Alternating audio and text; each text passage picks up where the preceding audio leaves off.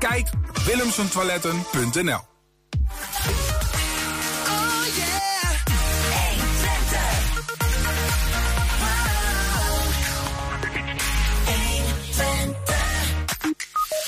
de Roeken en Vonken Rally door Twente is bedoeld voor plezier en het goede doel.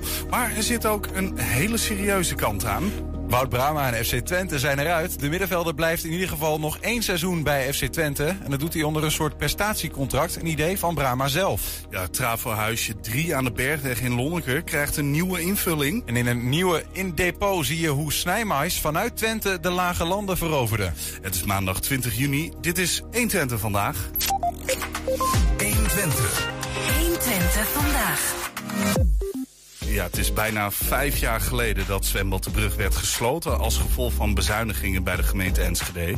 Glanenbrug legde zich niet bij de sluiting neer. De dorpsraad werkte achter de schermen aan een plan om het zwembad te heropenen. Nu de coalitie belooft om 2,2 miljoen euro te investeren in de brug, is heropening een stap dichterbij.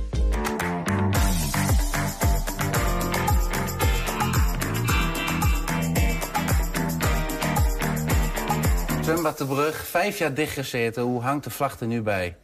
Ja, positief. Wij uh, hebben natuurlijk in de coalitie hebben we meer akkoord gekregen op die 2,2 miljoen. Wat we uh, met hulp van Som Is, Dijkoraad en de Dorpsraad voor elkaar hebben gekregen. Dus dat is top. Maar je ziet, dit is Zwembad de Brug. Vijf jaar troostloos, dicht, regenwater staat in de bak. Ja, nu moet er wat van komen. Dus een toiletruimte. Ja, de deuren moeten er weer in gezet. Het plafond moet uh, wc-potten zitten er gewoon nog in. Nou, hier is uh,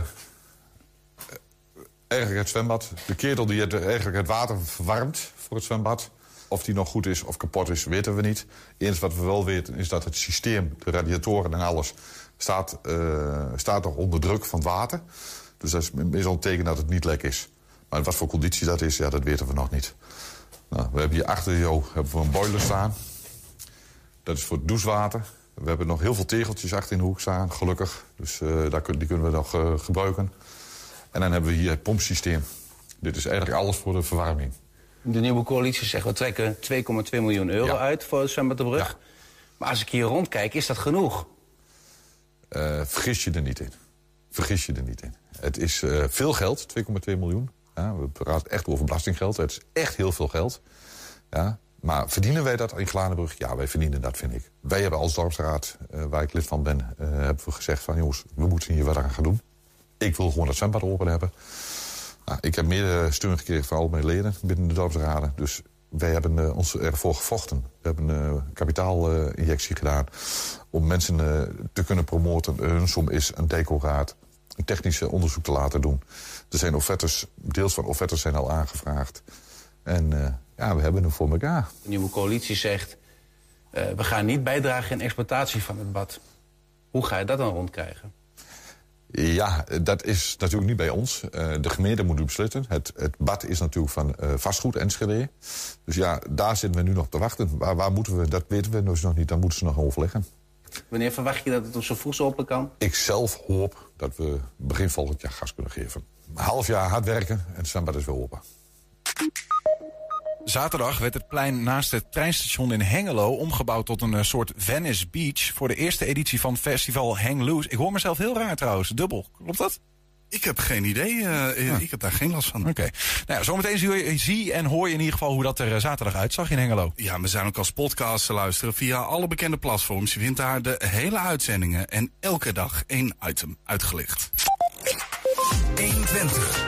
120 vandaag. Mocht u op zaterdag 2 juli getuige zijn van een kolonne klassieke en moderne auto's en motoren die door het Twentse landschap trekt, dan weet u bij deze alvast dat zijn met aan zekerheid grenzende waarschijnlijkheid de deelnemers aan de Ronken en Vonken Rally. Dat ritje is aan de ene kant bedoeld voor het plezier van de deelnemers, maar er zit ook een hele serieuze component aan en een goed doel. We praten daarover met de voorzitter van de organiserende stichting Rotary Wheels and Wings, Jeroen van Vught. Welkom.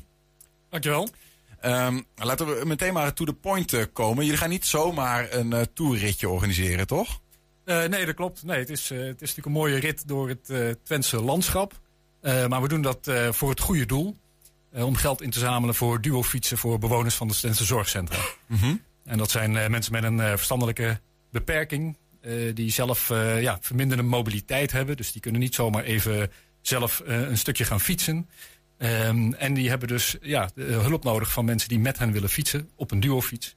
Eh, en daar gaan we geld voor inzamelen om voor eh één of meerdere woongroepen eh, van mensen van de Twente Zorgcentra zo'n fiets aan te kunnen schaffen. Ja, nou kan ik me voorstellen, al als ik dit hoor, denk ik van, nou ja, er gaan mensen in een auto eh, of op een motor of weet ik veel wat.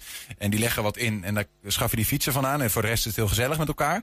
Maar het heeft nog een soort van extra dimensie, die mobiliteit. eh, dit, daar doe je nog iets mee. Ja, dat klopt. Ja, het, is, het thema van eh, de rit is ronken en vonken. En eh, ja, het ronken staat dan eigenlijk voor de, de oldtimers. Dus de brandstofauto's. en het vonken staat meer voor de moderne auto's. Met eh, ja, elektriciteit of eventueel ook waterstof. De rit voert bijvoorbeeld ook langs de waterstofhub in Almelo. Ehm, omdat we ja, ons ook wel realiseren dat mobiliteit echt in transitie is. En dat is iets waar we ja, ook aandacht aan willen besteden met deze rit. Ja. Maar is het de bedoeling dat een deelnemer aan die, aan die rally ook nou ja, echt iets meeneemt van die transitie in mobiliteit? Ja, dat is wel, eh, wel het idee. Hè. Er gebeurt Wat hoop in- je? ja, er gebeurt in Twente heel veel op dat gebied. Hè. Denk aan bijvoorbeeld het Solar Team hè, eh, van de UT of het Green Team. eh, wat eh, waterstofauto's ontwikkelt. Dus er gebeurt heel veel op dat vlak. Mhm. En dat willen we ook de deelnemers laten zien in deze rit. Ja. Eh, het is natuurlijk zo dat mobiliteit ons, ja, eh, is voor veel van ons eigenlijk een gegeven. Hè. We nemen het voor lief. Eh, en heeft ons heel veel gebracht. In de afgelopen twee eeuwen zijn, is het natuurlijk enorm ontwikkeld. En is de hele wereld echt toegankelijk geworden door ons, dankzij de mobiliteit. Maar aan de andere kant, de keerzijde is natuurlijk ook wel ja, dat het natuurlijk belastend is voor het milieu zoals we dat nu doen. Dus we zullen ons ook anders moeten gaan verhouden tot mobiliteit in de toekomst. Ja. Ik kan me ook voorstellen dat het wel vreemd is om met je zeg maar, enorm vervuilende oude auto eh, aan te komen bij eh, de waterstofhub of eh, bij het Solar Team, zeg maar, om daar een kijkje te nemen, toch? Klopt, maar nou ja, we willen natuurlijk graag bruggen bouwen hè, tussen die twee werelden. Aan de andere kant kun je ook zeggen, van, goh, in een oldtimer rijden is ook heel duurzaam. Hè, want ja, mijn eigen oldtimer is al 50 jaar oud bijvoorbeeld. Dus die is al 50, keer, of 50 jaar niet vervangen eh, voor een nieuwe auto. Dus dat is ook weer een mode- hè, eh, op een manier duurzaam. Ja. Eh, maar het rijden erin is natuurlijk niet zo duurzaam. Hey, jullie stichting, zeg maar, die het organiseert, stichting Rotary Wheels and Wings. Ehm, als ik denk aan een Rotary, eh, wa- want dit is weer een onderdeel van de samenwerkende Rotaries van Enschede en Hengelo, zeg maar. Ja. Als ik denk aan een Rotary, denk ik vooral aan rijke mensen die samen een clubje hebben en, en iets doen. Is, is die rit ook speciaal voor die mensen of Nee, hoor, is het nee. breder dan dat? Nee, nee. en er zitten ook eh, zeker niet alleen maar rijke mensen bij Rotary. Nee. Eh, het is gewoon een doorsnede van, van de samenleving. Maar we organiseren wel dingen voor het goede doel. Dus daar zit een uiting van. Maar in principe kan iedereen gewoon meedoen aan de rally. Eh, mensen kunnen zich inschrijven via de website ronken-en-vonkenrally.nl. Eh, mensen die zeggen van nou, ik, eh, ik steun wel het goede doel, maar ik heb geen tijd of geen zin om mee te rijden. Kunnen ook via die website een vrije gift doen, een donatie voor het goede doel. Ja, want dat, dat is de manier waarop je die, dat geld voor die duo-fietsen bij elkaar krijgt. We hebben daar zo, overigens ook een foto van. We hebben een beeld gekregen, want je had het er al over. Dit is zo'n duo-fiets, hè? Ja, dat klopt. Ja. En de Twentse zorgcentra maken daar gebruik van. Ja, dat klopt. En uh, Twente Zorg zijn, uh, ja, hebben zo'n 120 woongroepen hè, met uh, mensen met verstandelijke beperking. Um, en zo'n woongroep ja, moet zelf eigenlijk geld inzamelen om zo'n fiets aan te kunnen schaffen. Want het wordt niet vergoed door de wet langdurige zorg. Mm -hmm. Dus ze zijn echt afhankelijk van donaties om zo'n fiets voor hun bewoners aan te kunnen schaffen. Ja. Ik zat nog te denken, het heet de Ronken en Vonken Rally. Klinkt als wedstrijd. Ja. Uh, maar ik lees op jullie website, er is geen wedstrijdelement Nee. uh, en ook geen tijdslimiet. Nee, dat klopt. Nee. Nee. nee, als je een wedstrijd wil houden op de openbare weg, dan uh, ben je natuurlijk aan allerlei regels gebonden en vergunning aanvragen en afzetten van wegdelen. Dus dat, uh, ja, dat kan allemaal niet. Nee. maar uh, rally is ook in dit geval gewoon een toerrit waarbij mensen moeten navigeren met een ja, zogenaamd bolletje-pijltje systeem. Dus mensen krijgen geen route, maar ze krijgen een routebeschrijving van wanneer ze rechts en links af moeten. Ja. en moeten dan zelf de weg vinden. En het is al heel wat als ze weer uh, de thuisbasis kunnen vinden. Dat wat ik ken van uh, hemelvaartfietstochten, maar dan met de auto of de motor, zo is ja, het ongeveer. Ja. Klopt, ja. ja. En zonder krat bier. Ja. ja, precies, ja. Met elektrische auto's of oldtimers. Het, kan, het hele spectrum zit erin, hè. Die, die, die stichting waarmee jullie dit doen, Rotary Wheels and Wings, hoe lang bestaat die al? Uh, die bestaat nu uh, nou ja, eigenlijk pas een aantal maanden. We zijn een jaar geleden al begonnen Ja. hoor, met de organisatie. Uh, maar de stichting is officieel pas een aantal maanden geleden opgericht. inderdaad als samenwerkingsverband tussen vier eh Rotary clubs in eh, Enschede en Hengelo. En Roterect, dat is zeg maar de jongere tak van Rotary. Eh, om toch gezamenlijk zo'n eh, fundraiser te kunnen organiseren. Ja, maar is de bedoeling dat, dat dit soort van dan een debuut is van iets wat vaker gaat terugkeren? Ja, klopt. Ja, dus dat willen we zeker doen. Dus de, eigenlijk de eerste editie. Ja. Eh, en ja, volgend jaar gaan we dat weer uitbouwen. Dan komt er misschien ook weer een rally. We zitten ook na te denken over een groter evenement op het vliegveld. Om dus ook samen dat met vliegtuigen te doen. En vandaar de Wings. stichting ook ja, Wheels and Wings heet. Ja, Ja. klopt. Dus, Nou ja, wat ik, ik, ik zit te denken. Kijk, eh, eh, nogmaals, en dat is misschien een stereotype hoor. De Rotaries eh, van, van rijke mensen is blijkbaar niet zo. Het is een doorsnee van de samenleving, klopt dat? Ja. Nou ja, de, eh, dat, ehm, zij- wordt het ook dan georganiseerd door mensen die een gevoel van verantwoordelijkheid hebben op het vlak van, eh, van die energie, van die mobiliteitstransitie of zo. Nou ja, wij zijn de mensen die dan maar die kar moeten trekken, ja of nee. ja, mede, mede wel. Hè. We hebben natuurlijk een aantal petrolheads in de commissie. Die eh, echt eh oldtimer fanaat zijn. Eh, maar ook mensen, nou bijvoorbeeld eh, de eh, manager van de waterstofhub zit ook in de commissie. Eh, dus die heeft, dat zijn zeker mensen die ook feeling hebben met juist die moderne mobiliteit. Ja, maar goed, de, de toerrit zelf is dus voor, voor een ieder die, die, die dat wil. En gaat dus langs die punten in Twente die Klopt. met mobiliteit iets van doen hebben. Ja, dat klopt. Ja. Is, zijn dat die twee die je hebt genoemd? eh Solar Team Twente en de Waterstofhub? Of zijn het er nog Eh, meer? nee, het is eigenlijk, eh, de waterstofhub gaan we langs en het Green Team zal daar ook zijn. Ja, wat doen ze daar? Bij de waterstofhub? Ja? de, de waterstofhub, je kent de waterstofhub of niet? Nee. Ik ken het Green Team Twente, Ja. maar de Waterstofhub zelf. Nee. nee, bij de waterstof zijn ze eigenlijk ja, deels ook research aan het doen. Hè, om te kijken van hoe kunnen we nou waterstof als energiedrager doorontwikkelen. En met name ook eh, voor bijvoorbeeld eh, nou ja, eh, transport. Ja, dus eh, vrachtauto's of eh, personenauto's. Eh, omdat we natuurlijk ja, een groot probleem hebben met het, ook het bewaren van energie. Hè. We produceren heel veel energie. Met, eh, eh, zeker als we dat duurzaam gaan doen, hè, met zonne-energie of wind. Ja, dan op het moment dat je het produceert heb je het niet allemaal nodig. Eh, en op het moment dat je het nodig hebt, ja, dan schijnt de zon misschien niet. Dus je moet het ergens kunnen bewaren, die energie. En waterstof is daar een heel goed medium voor. Ja. En daar zijn ze bij de Waterstofhub eh een en ander aan het eh, onderzoeken. Klopt. Aan het onderzoeken hoe je dat goed kunt doen en hoe je dat ook goedkoper kunt gaan maken. Hè, zodat het ook eh, echt inzetbaar wordt voor, voor dagelijks gebruik. Ja, dus beide, beide die doelen die jullie aanstippen, die zitten op de UT, denk ik. Of niet? Nee, de, nee, dus de waterstofhub zit in Almelo. Oh, zit in Almelo? Ja. En het, het Green Team zal, komt daar ook naartoe hè, om, om daar een, presentatie te geven. Eh, en en- en, eh, de route voert bijvoorbeeld ook langs eh Wegdam in Losser.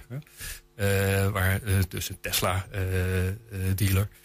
om daar dus ook weer te kijken naar elektrische auto's. Precies. Dus dat soort eh, elementen zitten in de route. Ja. Ja, maar ook als ik mijn Opel Kadett eh, nog in de schuur heb staan en ik denk ik doe mee, eh, Zeker. dan kan dat gewoon. Ja. Hoe kunnen we... eh, Er is zelfs iemand die al gezegd heeft van nou, ik ga de route op de fiets rijden. Dus, dus ook dat kan. Precies, Ja. het is heel open, Ja. gezelligheid staat voorop en je Ja. leeft ook nog wat aan het goede doel en je leert wat over de mobiliteit. Zo moet ik het ongeveer zien. Klopt, ja, helemaal. Waar kunnen we terecht als we mee willen doen? Ronken en vonkenrally.nl. Ronken en vonkenrally.nl gaan we wel even kijken. Jeroen van Vught, dankjewel. Veel plezier. Dankjewel. Ja, straks Wout Brama en FC Twente zijn eruit. De middenvelder blijft in ieder geval nog een seizoen bij FC Twente. Dat doet hij onder een soort prestatiecontract. Een idee van Brama zelf. 120. 120 vandaag. Ja, afgelopen zaterdag in Hengelo eh, was in Hengelo de allereerste editie van het festival Hang Loose. Het industrieplein wordt voor één dag omgetoverd tot Venice Beach. Plek in Los Angeles waar je lowriders, hot rods en vooral veel skaters tegenkomt. Zeer waarschijnlijk vanwege de hitte vielen de bezoekersaantallen wat tegen. Maar de mensen die er waren vermaakten zich prima.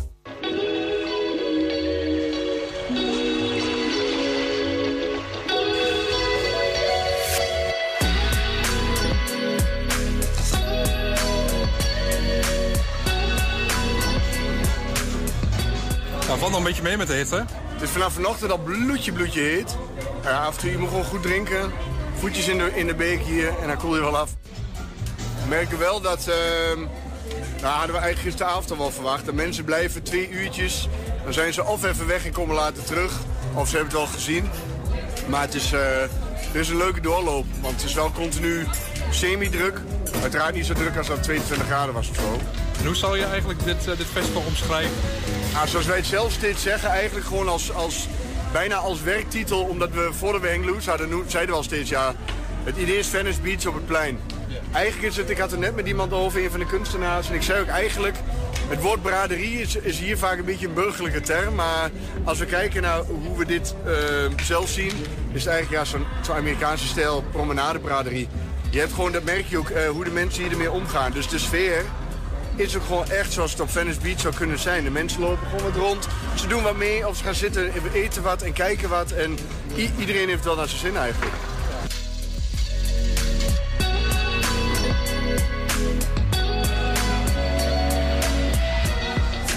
Nee, is toch een beetje uithouden hier met de hitte? Uh, het is wel erg warm. Daarom heb ik mijn haan ook al uh, wat natter gemaakt, maar dat verdampt zo. Uh, maar het is gewoon heerlijk weer. En ja, ik bedoel, Nederlanders klagen over het algemeen, maar ja, aanpassen is ook een hele goede. En dit is Ford uit 1929. Hij is gechopt. Daar kun je zien aan de voorruit. En je kunt ook zien aan deze kant hier doorgesneden. En uh, toen is hij helemaal verlaagd. Hij is, uh, dit is de originele materiaal. Hout is wel in de loop van de jaren vernieuwd. Uh, dit is een, zeg maar een sunvisor. Een beetje naar je zin dan hier? Ja, het, het is door vanwege de hitte had de aandacht wel iets meer kunnen zijn, vind ik. Maar ja, dat is, het, het, moet ook komen. Hè? Het is nog volgens mij de eerste keer. Dus ja, voor het het komt vanzelf, eh, denk ik, als dit maar een doorgaand proces is. En dat je er elk jaar meer aandacht aan besteedt, dan wordt het vanzelf leuk. 120. 120 vandaag. En heet was het, hè? Ja, dat was het zeker. Ja, waar was jij? Uh, ik, ik, was op Pinkpop. Ja, ja. ja ik, heb de beelden gezien op het, uh, op, het, op het journaal. In ieder geval op de, het, bij de NOS. Uh, ja, het was, was goed heet. Rijden voor de, voor de, voor de waters, waterplekken, waterdraagplekken. Ja, klopt. Nee, het was, was enorm warm. Maar de, desondanks wel de band uit Enschede die ook bij ons in het programma uh, heeft gezet, Ten Times a Million, wel aan kunnen moedigen. En ik kan je zeggen, het stond helemaal een rammetje vol. Dus uiteindelijk ja, heeft het interview met ons natuurlijk ook heel veel teweeg gebracht. Ja, er is toch nog iemand gekomen. Dat, betreft, uh, ja, ongelooflijk wat voor een invloed zo'n programma dan heeft, hè? Mooi. Was, was het goed? Nee, het was, was steengoed. Je had er verschillende bands tussen zitten, wat, wat, wat natuurlijk smaakmakers zijn. Maar soms dan, dan kom je ook uh, een verrassingje tegen. Uh, uh, ja, vooral de Nederlandse acts waarvan je dan denkt van, oh, dat ken je niet zo goed. Dat, dat, dat verbaas je dan. Zo'n Ten Times a Million ken je omdat je hier vandaan komt. Ja. Maar over het algemeen, ja, lekker rocken. Pearl Jam, Metallica, wat wil je nog meer? Heerlijk. Dan FC Twente en Wout Brama die zijn eruit. De middenvelder blijft in ieder geval nog één seizoen bij FC Twente. Zo vanzelfsprekend was dat niet nadat Brama vorig seizoen grotendeels aan zich voorbij moest laten gaan door verschillende blessures. Hoe vaak is jou de afgelopen tijd gevraagd wat je gaat doen komend jaar? Ja, heel veel. Maar gelukkig ging ik op vakantie. En in Italië ben ik toch minder bekend dan hier in Enschede, moet ik zeggen. Dat heb ik wel gemerkt. Viel me wel een beetje tegen. Nee, de afgelopen drie weken uh, niet veel. Nee, ja, mijn familie. Ja, het was al een beetje duidelijk eind vorig seizoen dat het trap aankwam of jij fit genoeg bent. Dus nou ja, hoe fit ben je? Ja, ik hoop dat je de camera hebt laten lopen op training. Dan kun je het zien, denk ik. Ja, ik ben fit. Uh, maar ik snap wel uh, de, de, twijfel die er bij de mensen is en bij de club ook is. Die was er bij mezelf natuurlijk ook wel. Ik heb het afgelopen half jaar gewoon uh, ja, minder kunnen spelen dan dat ik wilde. Eigenlijk de laatste anderhalf jaar wel. Dus ik heb bij de club ook een, een voorstel gedaan. Die heb ik eigenlijk ingediend met meer prestatie ja, beloningen dan, dan een vast contract.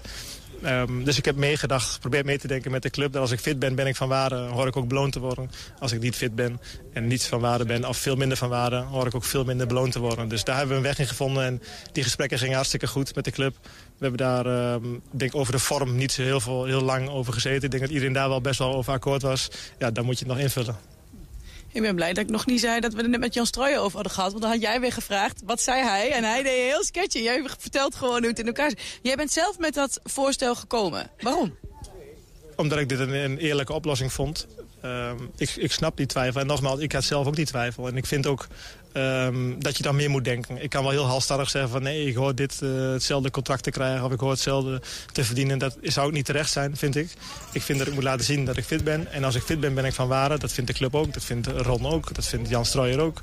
Ehm, ja, dan hoor ik ook beloond te worden. Ja, is dat niet zo? Ja, dan heb ik daar geen zin in. Ik heb geen zin om weer drie, vier maanden in de gym te zitten. Daar ben ik geen voetballer voor geworden. Dat vind ik ook echt niet leuk. Dit vind ik leuk. Rondo spelen, positiespel, partijen met die groep op het veld staan. Dat vind ik heel leuk. En daarom wil ik ook nog door. Maar ik ga niet weer vier maanden in de gym zitten om proberen weer fit te worden. Ja, dan, uh, dan moeten we even een goed gesprek voeren. Nou ja, dat zei hij wel ook. Zo van, nou ja, als, als zich echt weer zo'n situatie zou aandienen... dat inderdaad ook absoluut niet is wat jij wilt. Toen vroeg ik hem ook van, uh, moeten we dan gaan denken... dat je misschien tussentijds gewoon gaat zeggen dan is het bij deze klaar. Uh, gewoon tijdens het seizoen. Of misschien nu na de voorbereiding. Ja, kijk, ik wil daar niet zoveel van nadenken, maar dat zou kunnen. Ja. Ja. Nogmaals, ik heb geen zin om vier maanden te revalideren. Uh, en te hopen dat ik dan fit ben. Kijk, de, uh, het laatste half jaar was niet zoals ik wilde. Was niet zoals de club wilde, niet zoals de trainer wilde. Ja, ik zelf vond ook niks aan. Dus ja, als dat weer gebeurt, dan nogmaals, dan moeten we daar gewoon als volwassen mensen over praten. En met mij is daar wel over te praten. Dus misschien een beetje zo'n wat alsje, maar...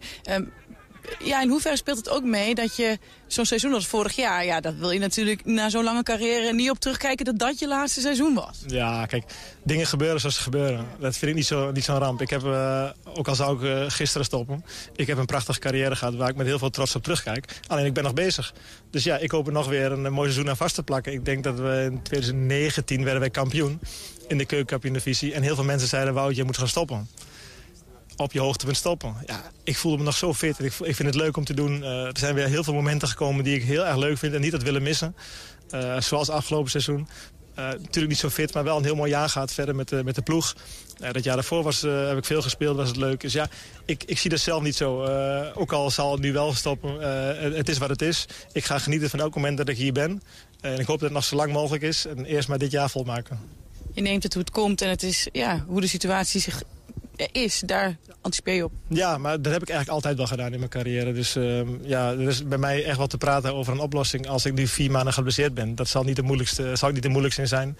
En ik, uh, ik denk dat de club daar ook uh, zo over denkt. Tenminste, dat hebben we wel besproken. Dus ja, uh, wat mij betreft hoeft er ook geen keiharde afspraak voor gemaakt te worden. Niemand vindt de situatie fijn. Ik niet, de club niet, het team niet, de trainer niet. Dus ja, als iedereen daar hetzelfde over denkt, dan is er ook wel een oplossing in te vinden.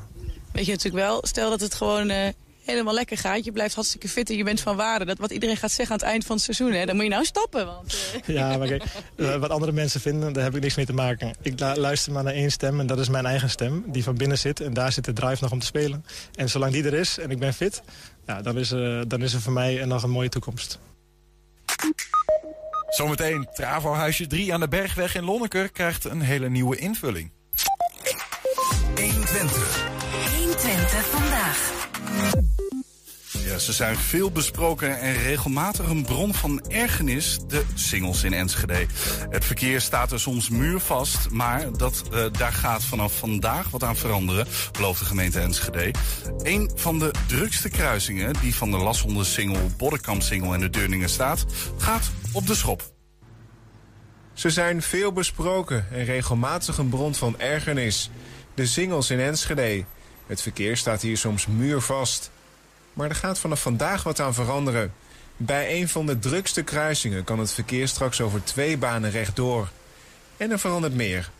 We gaan de doorstroming stevig verbeteren. Dat doen we door een extra rijbaan aan te leggen. Dat doen we door een extra invoegstrook ook uh, aan te leggen. We gaan zorgen dat de verkeerslichten eerder in de gaten hebben dat er verkeer is. Dat, waardoor ze nog slimmer anticiperen en eerder uh, groen kunnen geven. We gaan een aantal oversteken gaan we eruit halen. Want oversteken van de single zorgt voor vertraging van het verkeer. En met dat totaalpakket zullen we de doorstroming op deze plek uh, stevig gaan verbeteren. En hoe hard nodig is dat? Dat is wel nodig. Je ziet zeker in de ochtendspits en ook in de, in de middagspits dat het hier uh, regelmatig vaststaat. Het is echt een bottleneck. Uh, en daarom vinden we het ook heel belangrijk om hem snel aan te pakken... nu we de middelen daarvoor uh, hebben en ook weten wat we moeten doen. Automobilisten moeten nu dus nog wel eerst een maandje afzien. Nou ja, wie mooi wil zijn, moet pijn lijden. Hè? Dus het klopt, het, gaat er, het kruispunt gaat er een aantal weken uit. Daarna wordt het beter. Hoeveel beter het wordt, dat gaan we ook in de gaten houden. En ook de stad ontwikkelt zich steeds verder door. Dus we maken hem steeds mooier en steeds beter. 120. 120 vandaag. Travo Huisje 3, wie kent hem niet, aan de Bergweg in Lonneker. Is al een eh, hele tijd buiten gebruik, maar daar komt verandering in. Het gebouw krijgt een geheel nieuwe bestemming, speciaal voor de kunstliefhebber. Ik heb de deur al open gedaan, Eh, dus laten we naar het binnenste gaan. Dat is ook een interessant, eh, want daar staat nog een deel van de oude eh, grote kasten die erin stonden. Deze ruimte, deze ruimte die blijft in principe eh, zo bestaan. Eh, aan aan eh, de linkerkant daar heb je nog een kamer en hier aan de rechterkant is een kamer. Hier maken we eh, ergens een gat in, dan moeten we even kijken... zodat je vanaf die kamer en de buitenkant dwars er doorheen naar de andere kant kan kijken. Dus het is de bedoeling dat je straks dwars door die verschillende ruimte gaat kijken. Hier aan deze kant komt ook een grote glazen wand. En die gaat aan de andere kant, kun je dan weer buiten het bos zien. Wij staan boven op de Lonnekeberg, op de Bergweg... eh, bij een transformatiehuisje dat gemaakt is eh, door de Duitsers hier neergezet. En het voorzag eh, een deel van de Duitse basis en van het Prins Bernhardpark van elektriciteit. Het is verwaarloosd, het dak is niet helemaal goed meer... en de lambrise of de dingen onder het dak moeten echt wat aan gebeuren. Het lekt hier en daar. Maar wij willen daar, net zoals de galerie, het urinoir in Lonneker... een galerie van maken die 24 uur per dag open is. Eh, zeven dagen in de week. Ehm, en we willen daar exposities laten zien van veelbelovende jonge kunstenaars. Het is hier echt natuur. Je zit midden in de natuur, midden in het bos. Eh, past hier een, een, een doorkijkgalerie? Ja, dat is een goede vraag. Daar hebben wij ook over gediscussieerd. Het, het, eh, het, de- de- hier moet het geen kermis worden, zeg maar. Precies. Ehm, maar wij denken dat, eh, dat het gebied eh, wat betreft dit soort eh, activiteiten... en dit soort recreatieve activiteiten, zeg maar, wandelaars en fietsers... dat als je dat goed samen met de eigenaar, en dat is Landschappen Overijssel... ehm, organiseert en structureert... dat het geen extra belemmeringen oplevert voor flora en fauna op de Lonnekenberg. Wat wij willen, dat is naast die deur... willen wij een groot glazen hufterproef eh, glas inmaken. Eh, en dan zes panelen, zodat je dwars aan alle kanten door die eh, galerie kunt kijken. Dus van alle kanten, je kunt er straks omheen lopen als we het hebben gerenoveerd. En dan kun je er doorheen. En daarvoor moeten we geld hebben, want het kost een paar centen. De waarheid te zeggen, we hebben een begroting gemaakt samen met een architect van 40.000 euro. Daarvan hebben wij de helft al binnen. De gemeente Enschede die vond het een fantastisch plan. Het is natuurlijk ook een upgrading van, eh, van eh, ja, toch weer dit fantastische mooie gebied. Eh, die heeft flink in de buidel getast. En ook de businessclub uit Lonneker heeft flink betaald. En wij hebben nog een gat van 10.000 euro. En die 10.000 euro willen we met een crowdfunding bij elkaar halen. Hoe ga je dat doen? Nou, wij zijn bij een crowdfunding specialist geweest. Micha van der Water. Ehm, die heeft ons geadviseerd. Wij hebben een cursus gedaan hoe we dat moeten doen. En eh, wij zijn nu bezig met social media, eh, onze eigen crowd, zoals dat dan heet. Hè? Onze eigen achterban. Dus eh, heel veel mensen die wij persoonlijk kennen, die worden benaderd. En die vragen wij om van 10 euro tot 250 euro te, te doneren. Daar is een tegenprestatie voor. Je krijgt daar iets voor terug. Ehm, en die tegenprestaties staan allemaal op de website van eh vorendekunst.nl. Eh, en ook op onze eigen website en op onze Facebookpagina. En wil je meer weten van onze plannen? Ga dan naar travo3.nl. Want het huisje heet Travo 3. Er stonden er hier een stuk of wat. En dit is de derde. Eh, en daar vind je alle informatie en de link naar eh, onze mogelijkheid om te funden. Kleine rectificatie. In de video zegt Maarten Witteveen dat je moet gaan naar travo3.nl voor meer info. Maar dat moet zijn travo-3-lonneker.nl. Ja, en heb je een tip voor de redactie? Mail dat dan naar info.120.nl of bel naar 053 432 7527. Zal ik nog een keer herhalen? 053 eh Oeh, 4... Nu, nu ben ik het helemaal kwijt. 432 7527. Dat was hem. 053 432 7527. Ja, nou daarom. Maar ja, je kan het beter vaak zeggen, want heb Doe jij nog een één tip? keertje dan. Eh, 053 432 7527. 120. 120 vandaag. Als je in Nederland door het buitengebied gaat, dan kun je om één gewas eigenlijk niet heen. snijmais. Maar wat je mogelijk nog niet wist, snijmais veroverde de lage landen vanuit Twente. Het begon met één proefakker in Beckum. In no time, of geen tiet, stonden de akkers op het Twentse platteland en de essen vol met dat nieuwe gewas. Een succesverhaal. Of misschien toch niet helemaal.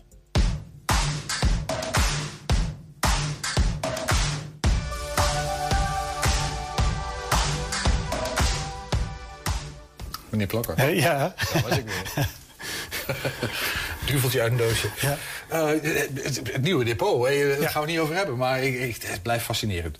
Maar we staan hier bij zuurverpapier, een doos. Ja, ja Eh, tekeningen. Ja, dat ja, dacht ik ja, al. ja. We hebben weer eens een, ik heb weer eens een tekenaar uit de doos gehaald. en dit keer is het Sietse de Jong. Als tekenaar is hij niet beroemd, maar je zal zien, het zijn prachtige tekeningen. Eh, eh, en het wonderlijke is, eh, de man toen hij die tekeningen maakte... was hij wethouder van onderwijs in Enschede. Oké. Eh, dus hij was wethouder? Ja. Politicus? Is de, eh, Ja. wat, wat was hij nog meer, behalve... Eh, eh, een leraar tot 19, nou, ergens in de jaren 50. En eh, eh, daarna is hij eh, lid van de Eerste Kamer geworden. Voor de Partij van de Arbeid toen. En, ehm, eh, eh, en daarna is hij nog burgemeester van Zutphen geweest. Oké. Ja. Toen hij hier vertrok, heeft hij zijn collectie tekeningen, 572 stuks... Heeft hij gescho- 572? ja, aan het Natuurmuseum Enschede destijds. En wat voor tekeningen, ja, daar gaan we het over hebben. Maar wat voor tekeningen zijn? Dat heeft hij één ding get- of was, was het heel breed? Zat hij in Nee, een park allemaal eh, oude bloem- dametjes bloemen- te tekenen? bloemenplanten. Bloemen en planten? Ja. Oké. Ja, je hebt er één tekening uitgehaald. Welke tekening gaan we zien? Nou ja, ik, heb een, ik had keuze uit 572. Ja, dat is een aardige keus. Hè, dus ik denk, wat ga ik nou kiezen? En ik kies iets ehm, wat in zijn tijd heel erg een opkomst was. En in zijn tijd, je zei net al jaren 50. Ja, je... eind jaren 50. Oké. Ja, ja, mais. Miami Vice in de Enschedese mais. Ja, de mais. Ja, ja. Mag ik hem pakken? Ja, ja mais, mais is een, eh, eh, op, op zich een, een heel bijzonder gewas. Heel even voordat je over die techniek van mais gaat. Het is echt wel een hele goede tekening. Ja, het, het is, het, is, het is echt wel heel erg mooi. Heel gedetailleerd. Ja. Mais. Mais. Want dat was in zijn tijd... Nou ja, eh, kijk, nou staan de velden vol met, met mais. Maar eh, in die tijd, eh, na de Tweede Wereldoorlog, had je ja, toch een, voedselprobleem. Hè, men wilde toch in zekere mate onafhankelijk zijn van, van voedselproducenten. Men was aan het experimenteren van hoe kan je ja, die voedsel efficiënter produceren. Nou, en dan heb je hier in de buurt, in Beckum, eh, vond een soort, nou ja, de maisrevolutie vond er plaats. De eerste snijmais van Nederland, van Europa, ik weet het niet precies, maar in ieder geval van Nederland, eh, werd ge- ge- geteeld in Beckum. Eerste snijmais. Ja, ja, ja, ja, ja, want er zijn mensen- snijmais, dat is dat mais dat we verhakselen en als veevoer in Precies, ja, want, voor, want voor de Tweede Wereldoorlog eh, was al geëxperimenteerd met mais. Hè, gewoon van die korrels die je zo kan eten. Die je in een burrito stopt. En, eh, Corn uit Amerika, eh, precies, ja. ja. Ja, ja, Maar het, is eigenlijk is het klimaat hier te koud voor mais. En eh, eh, in Beckham zat een landbouwconsulent. En die was, op, eh, die was in de Verenigde Staten geweest. En die had gezien hoe ze daar met die snijmais omgingen. En dacht van, misschien die korrelmais wordt niks. maar misschien dat die snijmais wat is. Hij heeft het hier naar Nederland gebracht. En in Beckham, in Beckham had je de eerste snijmais, zeggen ze. Want er zijn ook... Zeggen ze. Ja, wat is de, waar, waar zit de twijfel? Nou, nou, in Beckham zeggen ze dat is zo. Ja? Eh, eh, eh, en degene die het geïmporteerd heeft was Johan Meijer uit Beckham, een landbouwconsulent. En hij, ehm, eh, eh, eh, nou, hij was fanatiek voorstander daarvan. Hij kreeg- had ook de bijnaam in Beckham, Maismeijer. Ja, het zal dus niet. Ja, ja. Maismeijer. Ja, ja. Maismeijer Rubeng. Ja, ja, ja. Maar maar ik heb een boek gelezen van een journalist... die heeft dat proberen uit te zoeken. Van, klopt dat nou dat in Beckham de eerste mais van Nederland... eigenlijk de eerste snijmais Ja. van Nederland... en die heeft een broer van eh, Johan Meijer eh, nog gesproken... en die zei van nou... eh, dat is helemaal niet zo. Eh, maar Johan Meijer die had de grootste mond en die verkondigde het. hè. Het was op andere plekken. Hij, die zei van waarschijnlijk was het in Brabant de eerste mais. In Beckham werd die mais, werd, dat werd, was echt wel een ding. Die ging op een gegeven moment ook mais-olympiades houden. Wat moeten we daarbij voor? Nou, in 1977 maar dan met mais? eh, er waren dus eh 100 boeren en die zaaiden eh mais in. En nou, wie de mooiste, mooiste kolven had, echt een wedstrijd. Ja, die kreeg, Lonneke Jan hangen. En die kreeg, en die kreeg de, als prijs de gouden maiskolf. Die Olympiade was zo'n succes. Hebben ze, vier jaar later hebben ze dat nog een keer herhaald en deden 300 boeren mee uit de omgeving. Ja, mocht iemand nog zo'n gouden maiskolf hebben ooit gewonnen... Ja, ja. wij willen hem heel graag in de Ja, collectie. dat snap ik, ja. Ja, kijk, mais is... eh, het is bijzonder, want ehm, eh, eh, het is een, een, een, een luchtbestuiver. Je hebt geen insecten nodig om die maiskorrels te krijgen. Dus in deze plant, boven die slierten, eh, dat zijn de mannetjes. En hieronder zitten de vrouwtjes. En hij kan zichzelf bevruchten door, Ja. de, door de lucht. Dus je hebt geen insecten nodig. Maar goed, we, we gaan er even vanuit. eh, dus aan de hand van die tekening van Sietse de Jong komen wij op Beckham als broedplaats. Of als van waar de mais Nederland overwoekerde, zo langzamerhand. Ja, ja, zo kan je misschien wel stellen, ja. Dat is ongeveer de korte samenvatting Ja, van... ja, ja, ja. En in, en in 2016 eh, had je een EU-landbouwcommissaris, Paul Hogan heet hij geloof ik, uit Ierland. En die heeft Beckham nog bedankt in een toespraak ergens voor de inspanningen die ze gedaan hebben om het mais Nee. eh, verder te brengen. 2016. 2016. Dus, ja. de, dus de EU-commissaris bevestigt de geschiedenis van mais. Begon in Beckham. Ja. En heeft vandaar Europa over, eh Ja, over, over, over, ja, overwoekerd, ja. Dus je moet wel Oké. zeggen, ja. Nou, mooi verhaal dat aan de hand van één teken. Dankjewel. Graag gedaan. Mais uit Beckham. Ja. Ja, je hoorde collega Ernst Bergboer in gesprek met Edwin Plokker van de Museumfabriek. Dat betekent dat je luistert naar een item van In Depot. Hè, waarbij ze in het depot van de Museumfabriek duiken om allerlei eh, verhalen over Twente naar voren te halen. En tegenwoordig eh, zetten we daar iets tegenover in de uitzending. Namelijk, ja, wat betekent dat in deze tijd? Of wat dat heeft het verhaal met deze tijd te maken? En dat noemen we dan In Depot Extra voor nu. En aangeschoven is inmiddels eh, Henk Kiewik. Hij is boer op een van de mooiste plekjes in Twente. Op de glooiende flanken van de Lonnekeberg. En daar staat landschaps- en zorgboerderij De Rukker. Al heel lang trouwens. Ja, dat klopt. Henk, welkom. Dankjewel. Eh, ik- jij keek zo net mee naar die video en eh, je zat af en toe wel te knikken. Hè? Zo van, eh, ja, ik weet het ook niet helemaal zeker met dat Beckham. Nou ja, dat is een beetje de strijd, denk ik, eh, destijds tussen een, een- nou ja, een landbouwconsulent en, eh, nou ja, en de rest. Maar uiteindelijk ehm, is het ook, denk ik, niet zo belangrijk wie de eerste was. Maar ehm, ja, ik denk veel meer de impact die de mais eh, heeft gehad en nog heeft voor, nou ja, voor het landschap en voor alles eromheen. Gaan we het over hebben, want eh, de boerderij waar eh, je zelf eh, een onderdeel van bent... heeft op een gegeven moment het mais losgelaten. Sort of. Maar laten we even kijken, want dat ding staat er al heel lang, toch, de Rukker? Ja, nee, dat is zeker. Ehm, nou ja, ik, het is een boerderij waar ik, ik ook zelf geboren ben. En ik de derde generatie ben. En ehm, nou ja, toen ik kind, toen was er nog geen snijmais. En ik heb dus, nou ja, ik heb ook de eh, lagere en de middelbare landbouwschool gevolgd. Nou, en daar staat naast ook de voorlichting. En je moet ook in, in de tijdsgevricht zien van eh, in die tijd nou ja, zeg maar 15 jaar eh, na de oorlog, 20 jaar na de oorlog. eh, we hadden een hongerwinter gehad. En eh, nou, het moest langzaam wat efficiënter. Maar er moest meer geproduceerd worden. En dan heb ik het nog niet eens over het aantal melkveehouders die er, of en agrariërs die er toen waren. Ik bedoel, maar iedereen had wel een paar koeien. En ging daarnaast gewoon aan het werk.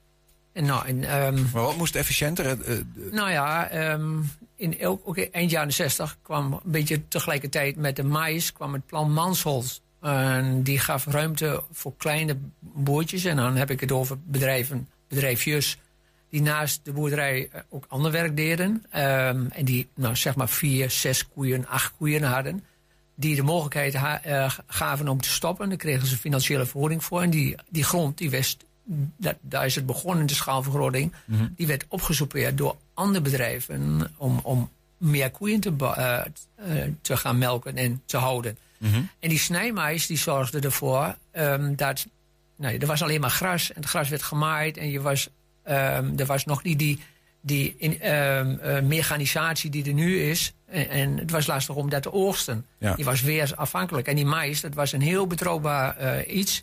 Nou, dat kon je het voorjaar zaaien. En je kon het heel in het najaar, dus dat was nou, zeg maar oktober, Ja. werd het geoogst. En dus dat was super betrouwbaar. En het bracht veel meer op.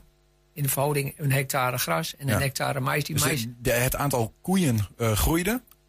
Ja, dat, daar is het begonnen, ja. En- Zo'n en- beetje gelijktijdig met de introductie van de mais. En het, het voer voor die koeien moest er ook zijn. Gras was niet zo handig vanwege de weersomstandigheden die, die soms niet meehielpen. En, het was, en mais kon je gewoon veel meer van produceren op een bepaalde plek. Ja, nou ja, het, gra- het gras werd gegooid. Ik bedoel, maar er was nog geen kuil. Nu kennen we allemaal kuilen bij, bij de eh, boerderijen. Ja. En dus, de, dus de slurven eh, die gevuld zijn met, met gras. Toen was dat nog niet. Er werd gehooid. Dat, is, dat zijn die bergen waar, die, waar dat eh, eh, landbouwplastic omheen zit, toch? Exact, dat klopt. Ja. Maar ehm, in de begin jaren 60 tot eind jaren 60 was dat nog niet. Alles werd gehooid. Dus het moest langer ehm, ehm, op het veld liggen. Mhm. Want als het te vroeg, ja, dan had je hooibroei. Je deed het op zolder, in de boerderij. Dus dan vaak aan de woning.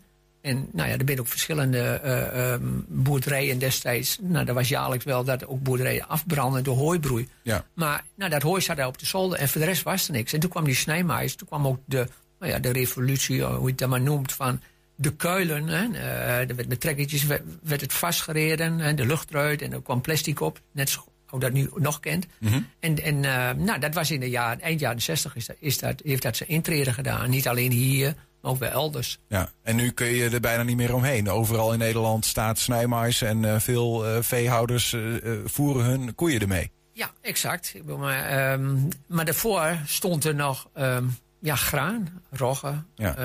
haver, nou, gerst, wat hier allemaal verboden werd.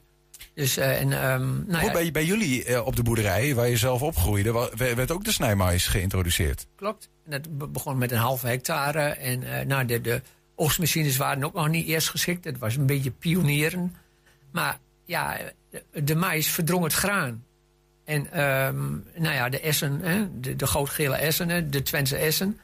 Nou, dat was graan. Maar niet alleen dat. Er was ook, nou ja, biodiversiteit. De, nou ja, er groeide van alles. Maar er vloog ook van alles. Mhm. In mijn beleving, als ik bij ons de S op ga, dan in, in de kind, er waren een, een, een leeuwerikken, die, die dan nu op de vliegbasis Twente nog een, een kolonie hebt, maar die hou iedereen, op elke S waren die. De kievieten waren er. Want die leefden samen met dat graan en... Exact, patrijzen, noem allemaal maar op. Dus alles eh, had onderdak, had voedsel, eh, had een veilige broedplaats. Ja.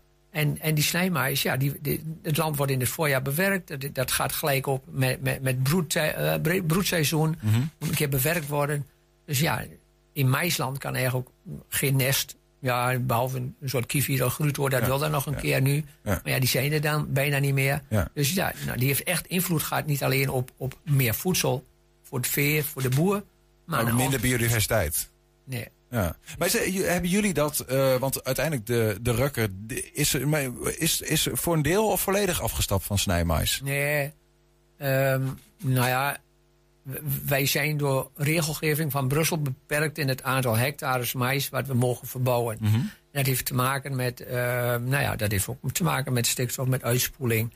Ehm, Nederland heeft, nou, dit jaar nog niet, maar die, we hebben een aantal jaar een derogatie gehad. Dat is een ontheffing wat Brussel ons toestaat om meer dierlijke mest op, on- eh, op, op je eigen grond te mogen gebruiken.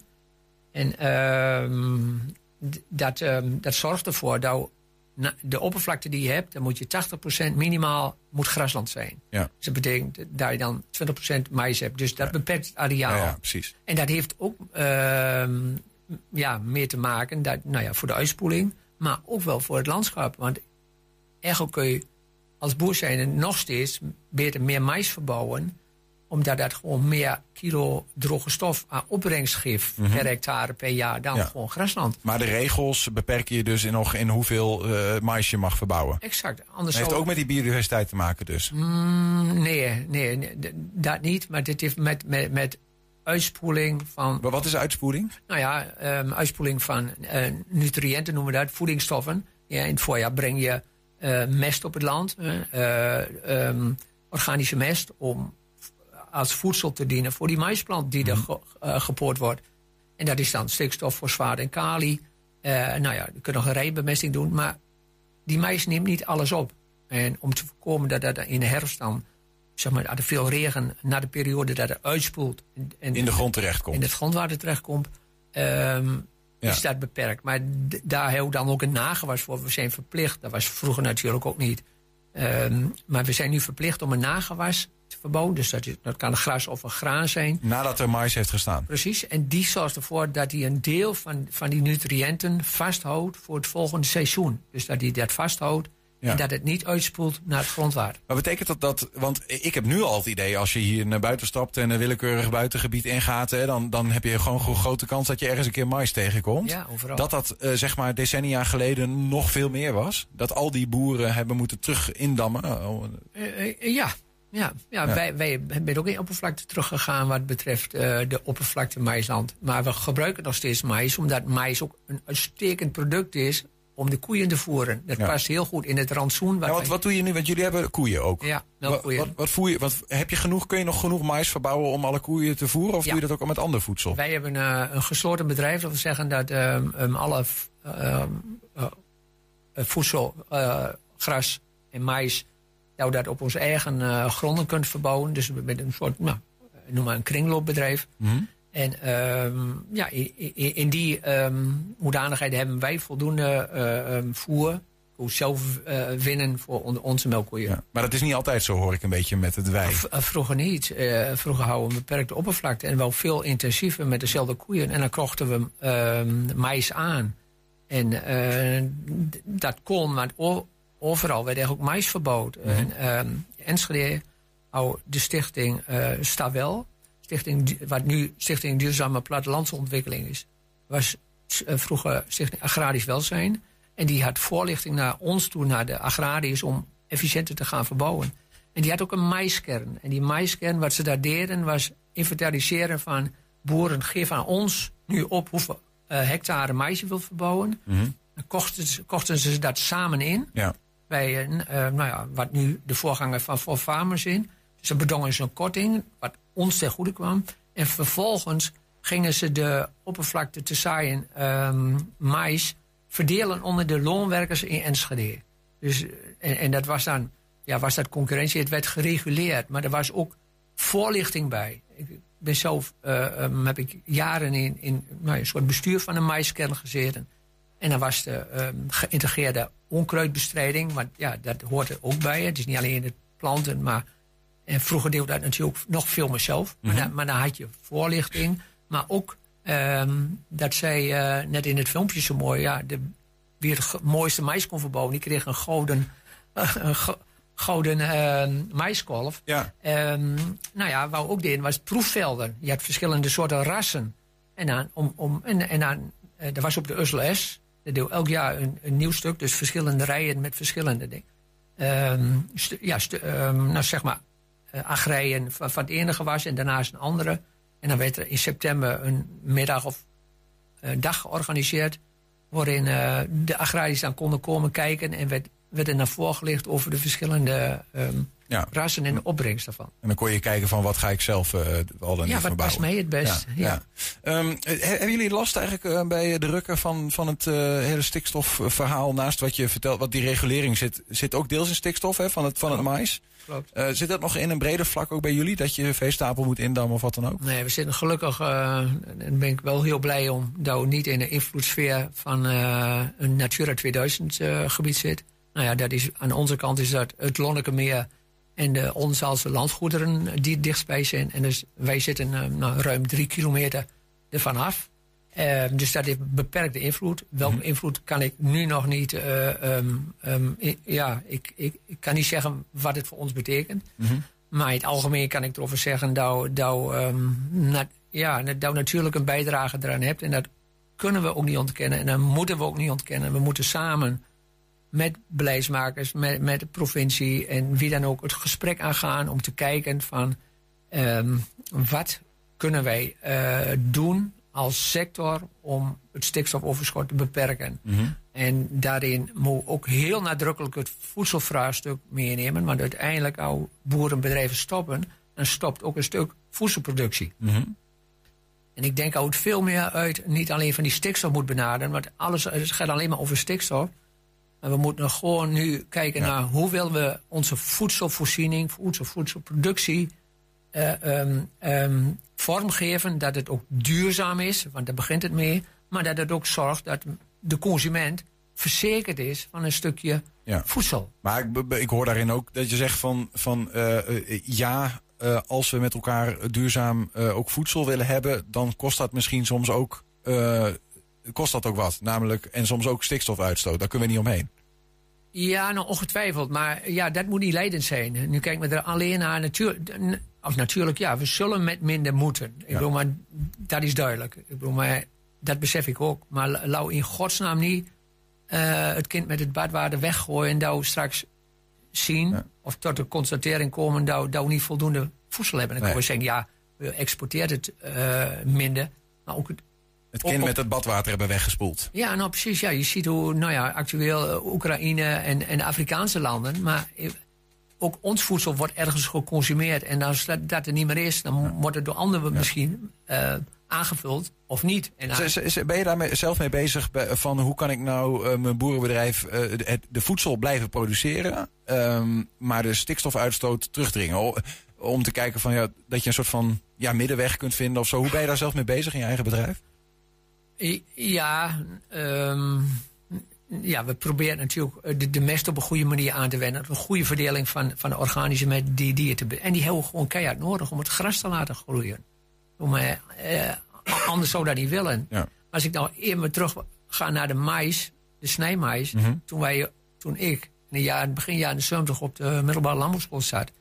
Toen werden proeven gedaan om te kijken hoeveel mest er op een hectare eh maisland kon zonder dat de mais door negatieve gevolgen van had. En ik bedoel, maar toen hou niet, niet eh, de, de, de gedachte van dat het ook een negatief effect zou hebben. Dat die stikstof of nou, die mest zo uitspoelt naar het grondwater. We keken alleen maar hoeveel, kan die, hoeveel mest kan er nu op een hectare.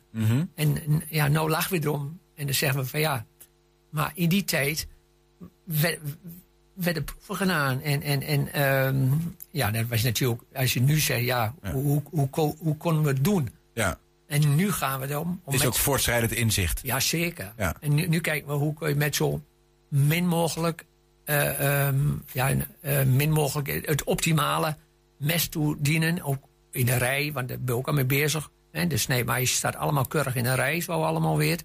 En nu, nu we ook al rijbemesting toepassen met organische mest. Dus dan zorg je ervoor dat die mest dicht bij de wortels van de jonge maisplant komt. Mhm. Die dan ook snel kan worden opgenomen zonder dat die eerst de tijd heeft of nou ja, nog, nog diepere Ja, eh, ja. Kan, lager kan zakken. Dat Zo efficiënt mogelijk gebruik van je, van je mest, zodat het zo min mogelijk eh, op andere plekken terechtkomt waar je het niet wil hebben mogelijk. Exact. Ja, Ja, Ja. zeker. Ehm, ja, dit is wel. eh, Ik bedoel, we, we kunnen het gesprek bijna afronden. Maar ik zit, even, ik zit met een boer aan tafel. Dus ik denk van ja, de, de, de- als, als ik als buitenstaander kijker soms naar denk van joh, er is een enorm verhit eh, debat. Ehm, voel je dat altijd als boer zo? Of, of, of, of heb jij, zit je wat genuanceerder in de wedstrijd? En, eh, Nou, ik denk dat ik er wel wat genuanceerder in zit. Ik bedoel, maar ik, ik, ik, nou ja, wat de overeenkomsten ook zijn, ik ga niet met de trekker de straat op. Hmm. Ehm, ik, eh, nou ja, ik probeer door het gesprek aan te gaan en, en met iedereen om te kijken van, nou, hoe kunnen we nu samen tot een oplossing komen waar Hmm. alle partijen, maar ook de natuur baat bij heeft. Laat dat duidelijk zijn. ja, maar heb je vertrouwen in dat gesprek? Want ik denk dat het daar soms een beetje misgaat. Hè? Dat sommige mensen denken, ja, ze willen ons gewoon eh, kosten wat kosten nek omdraaien. Ja, dat gevoel, dat, dat, dat ken ik. En, en ik bedoel, maar ik zei ja, ik woon niet bij Natura 2000 gebied, maar als ik ernaast zou wonen en ik heb een, eh, eh, een, familiebedrijf waar generaties van de ouders, mijn opa en hopelijk mijn kinderen ook al boer zijn en je zou dan weg moeten. Ja, dat is een keihard gelaag. Ik bedoel, maar dat- dat is onv- onvoorstelbaar dat mensen in zo'n situatie terechtkomen. Maar dat grijpt ontzettend diep in. En ik snap ook dat zij eh, eh, het meest gekwetst zijn door deze regelgeving. En ik vind ook dat het te eenzijdig dan, zeg maar, ja, nou, daar op wordt gelegd. Ik bedoel, de provincies waren in gesprek met gebiedsgerichte plannen. En ik vind nog steeds, die moeten ook de kans krijgen om, om, om, om tot, tot wasdom te komen. En natuurlijk met een, ook met een doel de stikstof terug te dringen, maar ook een perspectief voor die, voor de boeren. Voor die boeren. En als er dan min- minder koeien, maar misschien minder ook anderen. Maar dat perspectief dat ontbreekt nu. En daarvoor moet ik in gesprek. En, eh, maar ik ben bang dat de, de ja, populariteit van, van eh, politieke partijen en de verkiezingen provinciale precies zitten eraan te komen. Dat dat, ehm, ja, dat, dat alles bepalend is eh, en dat dat ook de richting geeft aan politieke partijen om te zeggen: we gaan het zo doen of ik stel er dit voor. En eigenlijk ja, het beste was om dat los te laten en gewoon objectief te kijken. Want over vier jaar dan heel misschien weer wat anders. En dan, dan is de nadruk weg. Maar de, de, ehm, de problematiek moet worden opgelost. En dat moet samen doen. En daar zal de landbouw zeker een bijdrage aan moeten leveren. Dank in ieder geval voor jouw eh, inzicht en, eh, in deze zaak als, eh, als boer die iets minder snijmais verbouwt dan, dan vroeger. Ja. Ehm, en dank ook voor nou ja, een klein lesje geschiedenis wat betreft de snijmais. Of het nou uit Beckham komt of uit Brabant. Laten we maar in het midden. Dat is het mooiste, denk ik. Henk Ja. Kiewik, dankjewel. Graag gedaan. Ja, tot zover 120 vandaag terugkijken. Dat kan direct via 120.nl. En vanavond om 8 en 10 op televisie te zien. Zometeen kun je op de radio gaan genieten van Henk Ketting met een gloednieuwe kettingreactie. Veel plezier en tot morgen.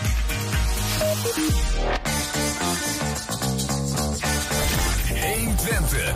Weet wat er speelt In Twente. Met nieuws van 5 uur. Goedemiddag, ik ben Bas van Halderen. Om te voorkomen dat huishoudens en bedrijven in de kou komen te zitten, mogen kolencentrales harder gaan draaien. Het kabinet wil zo tekort aan aardgas opvangen. Nu Rusland de gaskraan dichtdraait en Groningsgas ook geen optie meer is. Klimaatminister Jette zal zo het besluit uitleggen. KLM moet volgende maand elke dag 7000 mensen minder meenemen. Dat is de